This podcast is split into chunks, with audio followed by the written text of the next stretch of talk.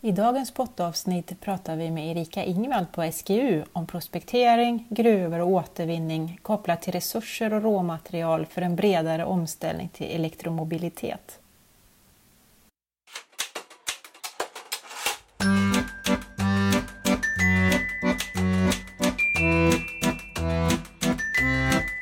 Ja, jag heter Erika Ingvald och jag jobbar då på Sveriges geologiska undersökning som är en myndighet som jobbar med geologi.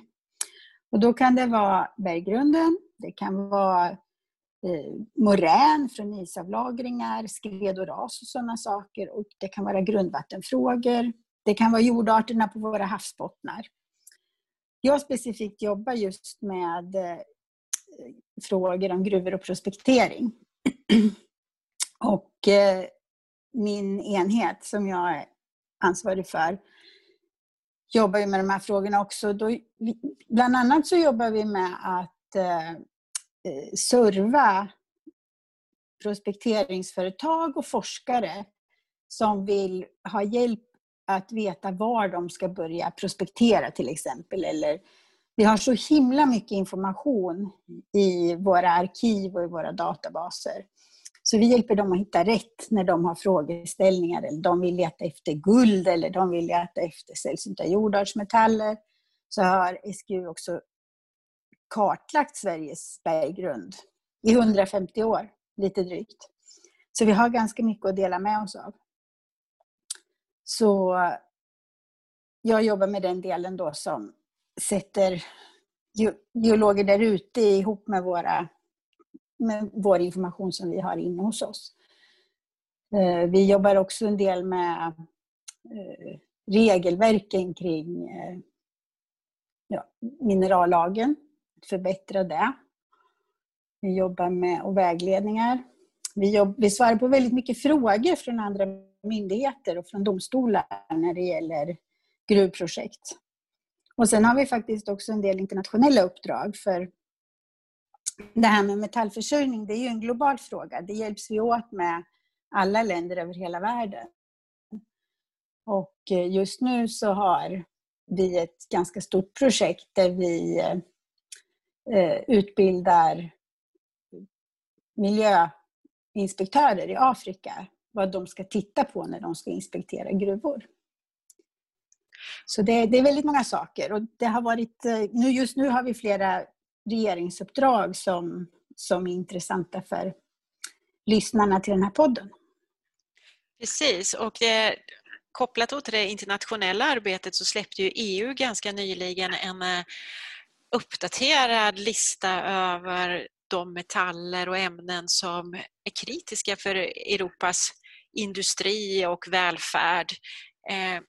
Och eh, många av de metallerna som kom upp på den listan är ju kritiska för, eller viktiga för elektromobilitet. Hur går det till att ta fram data för den här typen av eh, rapporter? Då hjälps eh, alla länder i Europa hjälper till med att visa hur mycket som produceras i respektive land och hur mycket som prospekteras och sen sätts det ihop med efterfrågesiffror från industrin. Bilindustrin tänker sig att de ska bygga 100 000 nya eh, elbilar. Hur mycket av ditten och datten ingår det i de batterierna och i elsystemet in i bilen och så. Så får man, räknar man på det helt enkelt. Och eh, när man gör en sån här rapport då hämtar man också in information från andra delar av världen. Hur mycket produceras i USA, i Kina och så vidare. Så det är ett jättepussel som ganska många har hjälpt till att ta fram data för. Hur har SGUs roll sett ut i detta? Vi sitter med i en expertgrupp som, som eh, tar fram egentligen strukturen för vad man ska titta på för att kunna säga att ett Eh, ämne kritiskt. Och eh, sen har vi också bidragit med siffror vad som görs här i Sverige.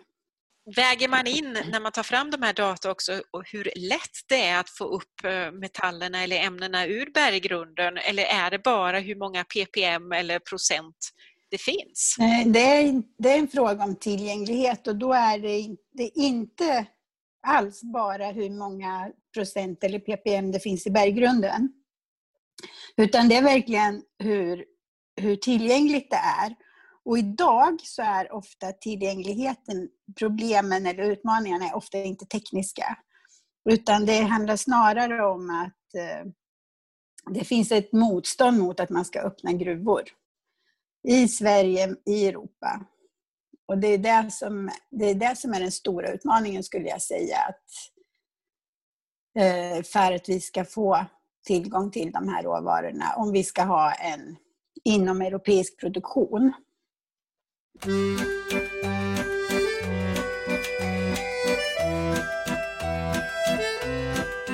Kopplat till det du sa då att man inte vill öppna gruvor, hur går det till? Jag tror inte våra lyssnare alla har koll på hur går det till att öppna en gruva? Så hur man, får, hur man kommer så långt så att man öppnar en gruva. Då gör man så att man börjar med att undersöka marken på en plats där man tror att det kan finnas metaller av den sort som man vill ha. För att få göra det, då behöver man ha ett undersökningstillstånd från Bergsstaten. För att veta att det är där man ska vara, då har man gjort en massa studier innan. Man har varit i våra arkiv och undersökt, man har läst forskningsrapporter. Och så, så ansöker man om ett undersökningstillstånd hos Bergsstaten. Och så jobbar man och jobbar och jobbar, ofta uppemot en tio år, ibland längre tills man tycker att man har tillräckligt mycket kunskap om den här platsen och innehållet i marken för att kunna söka om en koncession. Och det gör man också till Bergsstaten. Eh, Bergsstaten prövar eh, markanvändningsfrågan tillsammans med Länsstyrelsen. Och de prövar också om du har lyckats visa på ett bra sätt att marken innehåller den mängd av de här metallerna eller den här metallen som du är intresserad av. Så att du får, eh, så att det kan vara en ekonomiskt brytvärd fyndighet. Och sen, och då, om, om Länsstyrelsen och Bergsstaten är överens och du får din koncession, då har du förtur att bryta, då har du rätten till att bryta här. Men du får inte göra någonting förrän du har fått ett miljötillstånd. Och det ansöker man om hos Mark och miljödomstolen. Får man det tillståndet, då måste man också ha, all annan lagstiftning gäller parallellt, så du måste ha eh, Ja, terrängkörningslagen gäller till exempel, så du kanske behöver ha sådana tillstånd, du behöver ha bygglov och vad det nu än kan vara för andra tillstånd som krävs på just den här platsen. När du har alla dina tillstånd och du dessutom har pengarna som krävs för att starta en sån här eh, produktion, då kör du igång. Och hur lång tid kan det här ta då? Det låter som det är en lång process. Det är en jättelång process. Ja, tio år är kort skulle jag säga. 15 eh, år mer normalt. Det, det är en tuff, tuff resa man gör. Eh, så man måste vara lite modig och lite galen tror jag för att, för att göra sådana här saker. Och om man tänker då på elektromobilitet, och, eh, ja, vi har ju de sällsynta jordartsmetallerna i elmaskiner, vi har koppar i både elmaskin, batterier och allt kablage. Men också så ändras ju batteriernas kemi. Hur, hur många tillförlitliga rapporter får ni eller hur får ni tillförlitlig information vad ni kan säga är en lämplig metall att bryta för att det som man vill bryta idag kanske inte då är en intressant metall om 15 år? Det där tycker jag är en jättebra fråga. Jag får den ganska ofta. Om man tittar på all modern teknik idag eh, jämfört med för bara 50 år sedan Idag så utnyttjar vi nästan alla ämnen i hela periodiska systemet för modern teknik. Eh, det är inte säkert att de, det teknikval man gör idag är det som gäller om 10 eller 20 år. Men de här råvarorna används till så många olika tekniker så efterfrågan på dem är stor och växande. Så... Även om man börjar för att säga att det ska vara till batterier så kanske det hamnar i någon annanstans om ja. 15 år. Så det, man vill ändå ha upp metallen. Ja. ja, för att det är ju så få år. Om man tittar på guld så tror jag man har brutit guld i 6000 år i världen, minst. Eh, koppar i Sverige har vi brutit i 2500 år. Eh, och järn har man också brutit länge. Och det finns fortfarande inte tillräckligt för att vi ska kunna ha en cirkulär ekonomi med de här som vi har hållit på i tusentals år att bryta. För att behovet är stort och jag skulle säga också att återvinning av de där gamla metallerna är ju nästan 100 procent. Om inte det är järn som rostar bort, ska jag säga. Men, så det finns en enorm återvinning av det som inte sitter och jobbar i någonting, i en elledning eller i en, vad vet jag, ett smycke eller vad det kan vara för någonting. Så trots att vi har nästan 100 i återvinning så har vi fortsatt ökade behov. Och det beror ju dels på teknikutvecklingen och dels faktiskt på befolkningsutvecklingen i världen. Om vi vill att alla människor i världen ska ha, ha det bra och ha, ha den teknik som vi har här. Och de villkor som vi har här. Så vi behöver bryta mycket mer innan vi kan klara oss helt på återvinning. Och om man tittar på de här nya råvarorna som vi pratar om, sällsynta jordartsmetaller och, och de här lite mer ovanliga, så de har vi ju inte alls haft någon, något behov av länge, kanske 50-100 år. Och då har, man, har vi inte alls hunnit bryta så mycket som, som vi behöver. Finns det då möjligheter att bearbeta gammal slagg och hitta bättre ja. än att, eller bättre kanske är fel ord, men eh, istället för att bryta nytt, att återvinna slaggen istället? Att det blir högre koncentration? Ja, så slagg till exempel, stålslagg, det innehåller ju på vissa ställen i alla fall halter av vanadin som kan vara värd att undersöka. Men det finns inte helt... Alltså vi gjorde en undersökning, jag ska tänka på, det var för kanske sex år sedan tillsammans med andra aktörer. Jag har för mig att det var Naturvårdsverket och Järnkontoret var med och många andra. Och då, då hade vi det med som en möjlighet att titta vad som finns i gammal slagg och då kom vi fram till att om vi kunde tillgodogöra oss allt det som finns där så finns det fortfarande bara eh, så att det skulle räcka här i Sverige för var sex eller tio års behov. Så det finns inte tillräckligt helt enkelt. Men det vi brukar säga också det är att det finns inget motsatsförhållande mellan att vi kommer behöva gruvorna för att fylla på tills vi kan ha en cirkulär ekonomi. Men vi måste samtidigt öka takten när det gäller återvinning i, alla, i, i hela cirkeln, inte bara, inte bara gruvavfall. Gruvavfall är ju avfall av en anledning. Det som man ville ha ut när man bröt det, det har man tagit och resten behövde man inte då. Så man får titta på vad som finns, eventuellt finns kvar.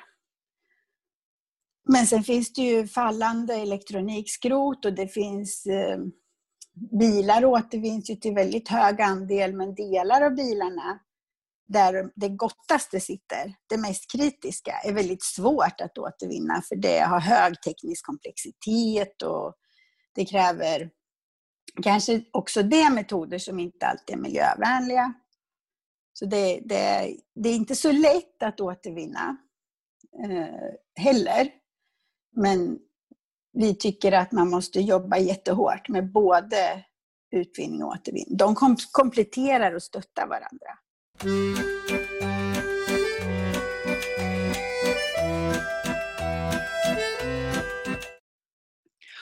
Ur ert perspektiv på SGU, om du tänker både gruvor, återvinning och vad vi har i berggrunden i i Sverige och i Norden. Eh, skulle du vilja pusha forskarna i någon riktning att inte jobba med vissa metaller eller jobba mer med andra metaller? Finns det någon, något tänkt där, att du skulle vilja få dem att ändra inriktning? Eller?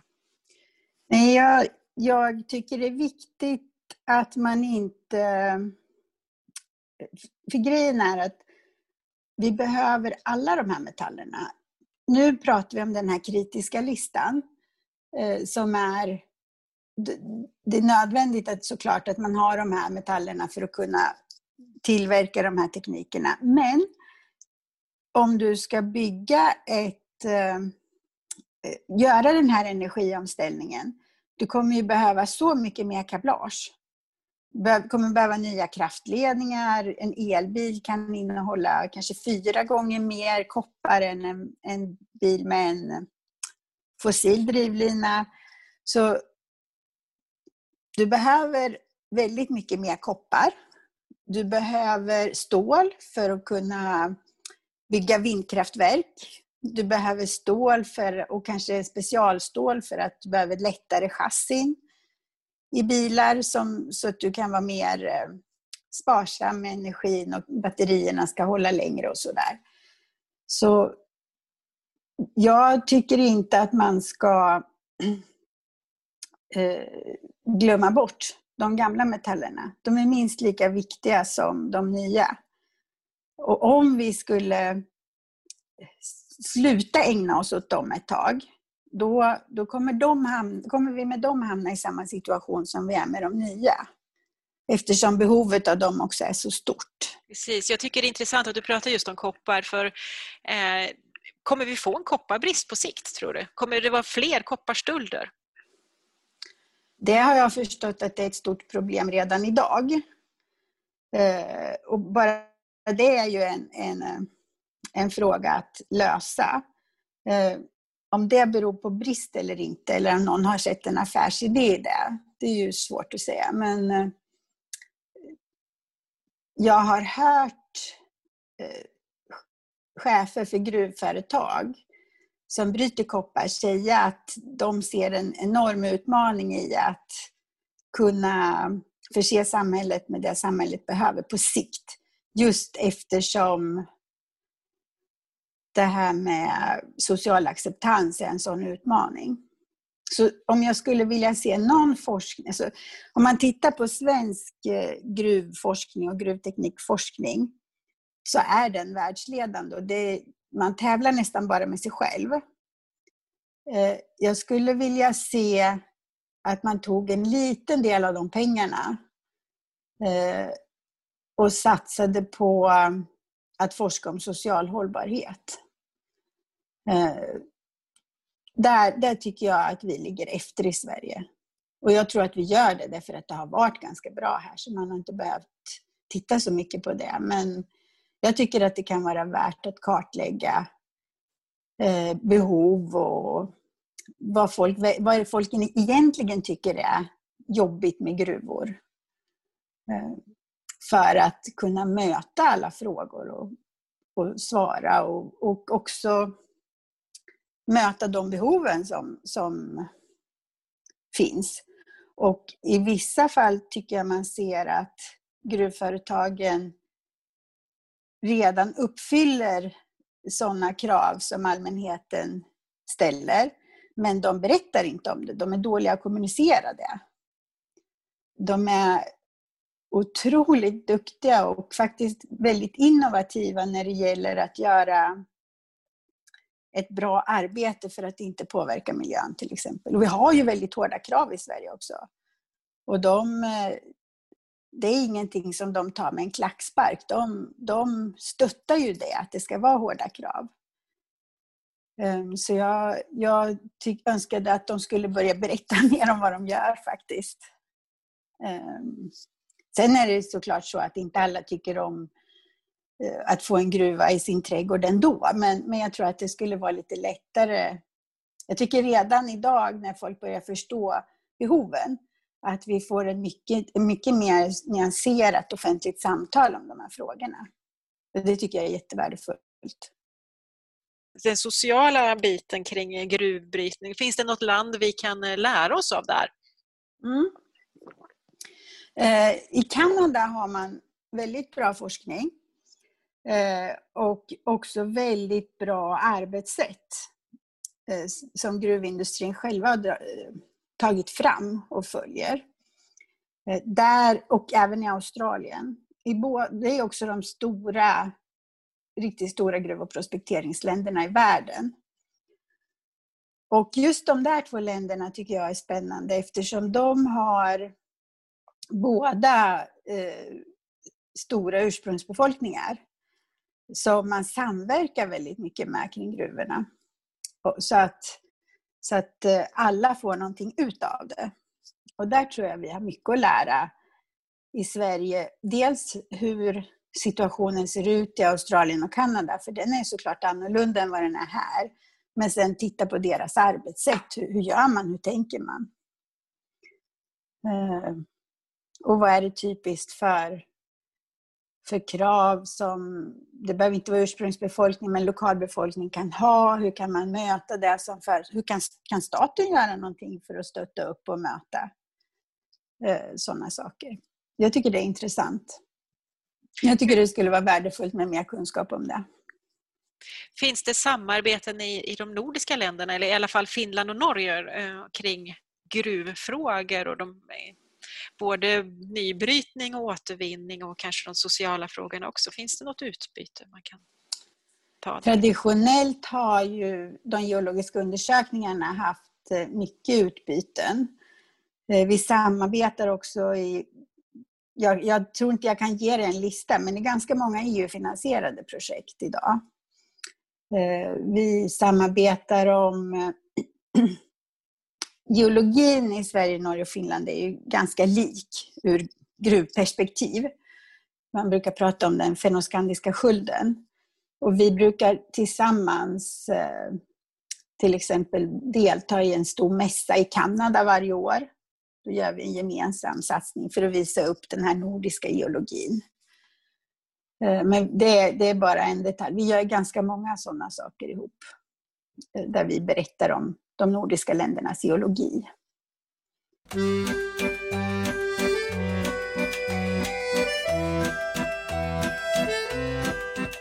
Eh, jo, man hör ju i nyheterna lite då och då om utländska bolag som vill komma in och eh, prospektera eller öppna gruva i Sverige. Och eh, många tror att de plundrar oss på vår godispåse, men eh, bidrar de med godis också till oss? Eller hur går det till och vad får vi ut av detta? Ja, eh, det finns faktiskt många fler fördelar än, än man skulle tro om man, om man följer med i debatten.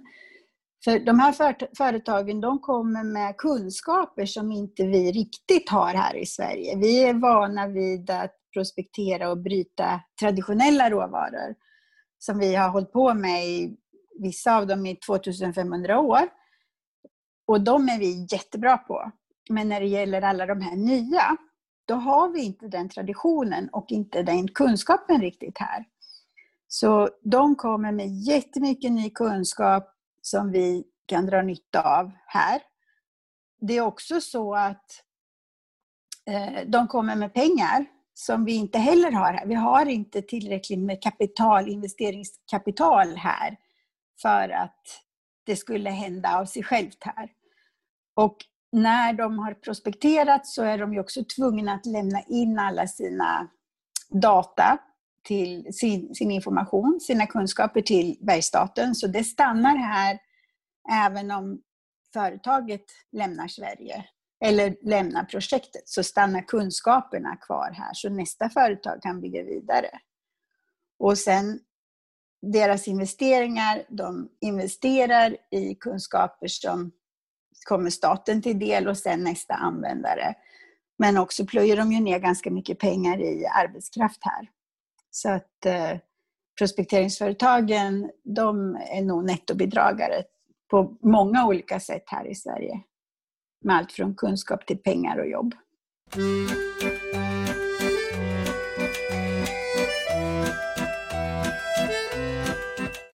Om vi ska tänka på Sverige som nation och eh, elektromobilitet och elfordon och även att vi har tillvara, tar tillvara på vår eh, förnybara energi. Eh, ser du några möjligheter i ert arbete att stötta detta? Ja, jag tror att vi har stora möjligheter att stötta. Vi, just nu har vi samarbete med både Energimyndigheten och Naturvårdsverket till exempel om de här frågorna. Och det är otroligt viktigt redan nu, men jag tror kommer bli ännu mer viktigt i framtiden att vi kan vara självförsörjande om vi ska kunna göra den här omställningen som vi vill göra. Både för mobiliteten men, men för energisystemen på totalen så måste vi kunna vara säkra på att vi kan få tillgång till de råvaror vi behöver. Och eh, jag ser nu att det börjar segla upp också försvarsperspektivet. Så självförsörjning och försvarsfrågor och för den här eh, energiomställningen, för klimatet. Det, det tror jag är de viktiga frågorna. Några av de viktiga frågorna. Och jag, tror att, eller jag är säker på att SGU kan bidra väldigt mycket. Eh, det gäller bara att vi får hela värdekedjan att fungera. Är det någonting du saknar i den här värdekedjan så att ni ska kunna göra ert jobb? Jag tror inte för att vi ska kunna göra vårt jobb, men för att värdekedjan ska fungera, då tror jag... Nej, det spelar nog ingen roll vem man frågar i värdekedjan, så skulle de säga att tillståndsfrågorna är superviktiga. Vi måste få i ordning på så att det fungerar väl och inte hakar upp sig hela tiden. Det spelar nog ingen roll om du vill öppna en gruva eller bygga en laddstolpe, så, så vill du ha en, en eller kraftledning för den delen, en tillståndsprocess som fungerar och löper och inte hakar upp sig. Och är, är förutsägbar. Är det lagstiftningen som hakar efter eller vad är problemet? Ja, min bild är att lagstiftningen är rätt okej. Okay. Eh, och jag tror problemet är resursbrist på myndigheter och eh, på domstolar. Och kunskapsbrist också.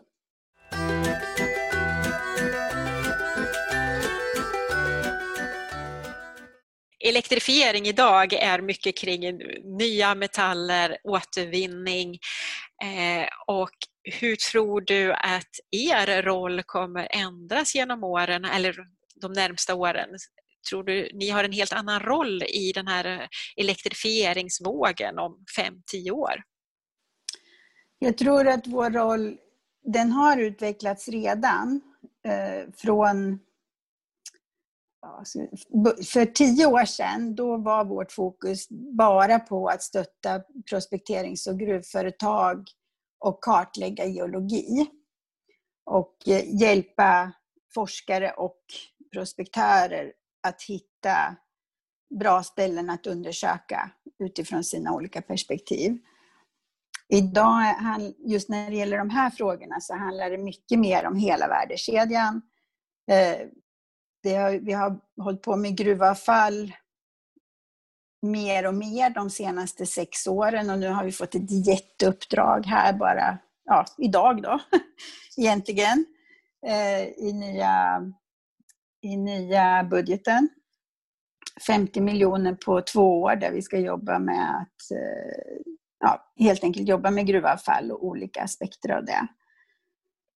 Så gruvavfall kommer bli en större, större och större fråga.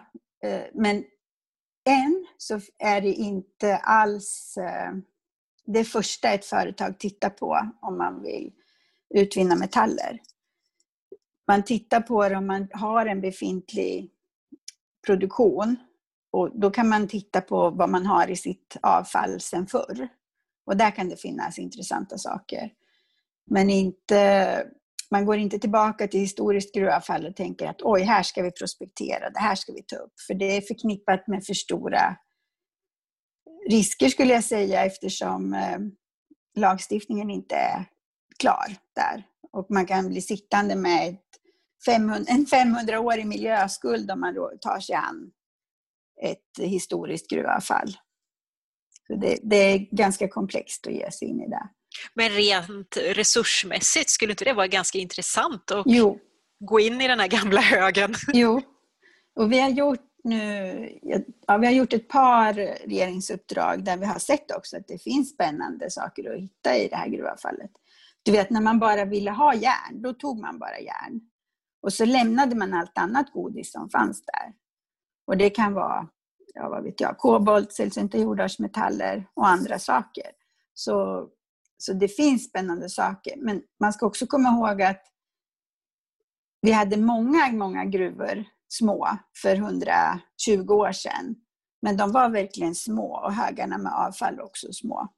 Så det man kan få ut av det idag är kanske inte några volymer att tala om. Men en sak som jag har tänkt att man, man kan göra, det är att skulle man kunna bryta de där högarna, då kan man samtidigt städa upp och få betalt för att man städar upp och kanske få en liten slant över. För det är väl inget företag som, som eh, gör det bara för att vara snälla, liksom, utan man vill ju få en slant över så man kan fortsätta sin verksamhet. Så det tror jag skulle vara en väg att gå. Men då kanske man skulle behöva skapa samverkansprojekt mellan stat och företag för att företagen skulle våga göra det här.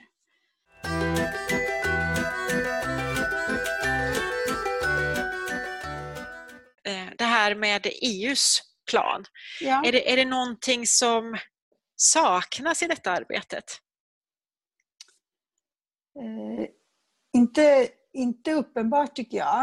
Eh, det som jag hoppas det är när man genomför the new green deal att man faktiskt kommer ihåg mineralfrågorna och att det inte går att återvinna sig ur det här utan att man måste fylla på med nytt material och att man tänker på det så att man låter det också genomsyra unionens arbete framåt. För vi är rökta om vi, om vi inte får till det här. Det, så, det är jag helt övertygad om. Så, och jag tycker biodiversitetsfrågorna är superviktiga. Men de kommer inte heller vi få någon ordning på om vi inte får ordning på energisystemen.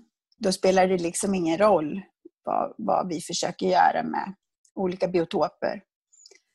Vi måste få ordning på det och det kommer inte gå utan metallförsörjning. Och då Så- måste det vara både återvinning och utvinning. Mm. Så inte bara återvinningsanläggningar här och var utan verkligen, vi behöver gruvorna också. Ja, och återvinningsanläggningarna, verkligen. Så jag tror kanske det finns ju en del krångligheter när det gäller återvinning och lagstiftning. Som, om man, som inte faktiskt finns för gruvor. Och där tror jag att återvinningsindustrierna skulle vinna på att få lite mer lika villkor som gruvorna när det gäller avfallshantering. Ehm, och, det här med ehm, hur, man, hur man får köpa och sälja avfall till exempel över gränser. Så har jag fått en bild av att det är väldigt, det går ju, men att det är ganska komplicerat. Och syftet är egentligen att förhindra dumpning av avfall någon annanstans. Men då tycker jag, utan att kunna den här lagstiftningen, så känner jag att men då är det det man ska ha en lag mot, inte någonting annat. Så, så att man verkligen kan ta tillvara allt avfall på ett bra sätt.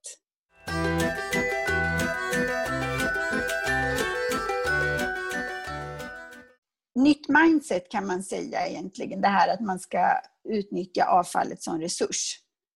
För när vi fick miljöbalken, då var avfall något fult som man skulle kapsla in och gömma undan.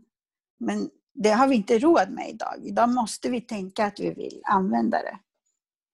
Och naturligtvis kapsla in det som är jättefarligt eller hantera det som är jättefarligt så att det inte blir farligt för oss. Men, eh, men därmed då inte stoppa allt annat. Du har lyssnat på en podd från OmEV. Finansiär är Energimyndigheten och värd är Swedish Electromobility Center. Musiken kommer från bandet Vintergatan. Själv heter jag Helena Berg. Tack för att du har lyssnat.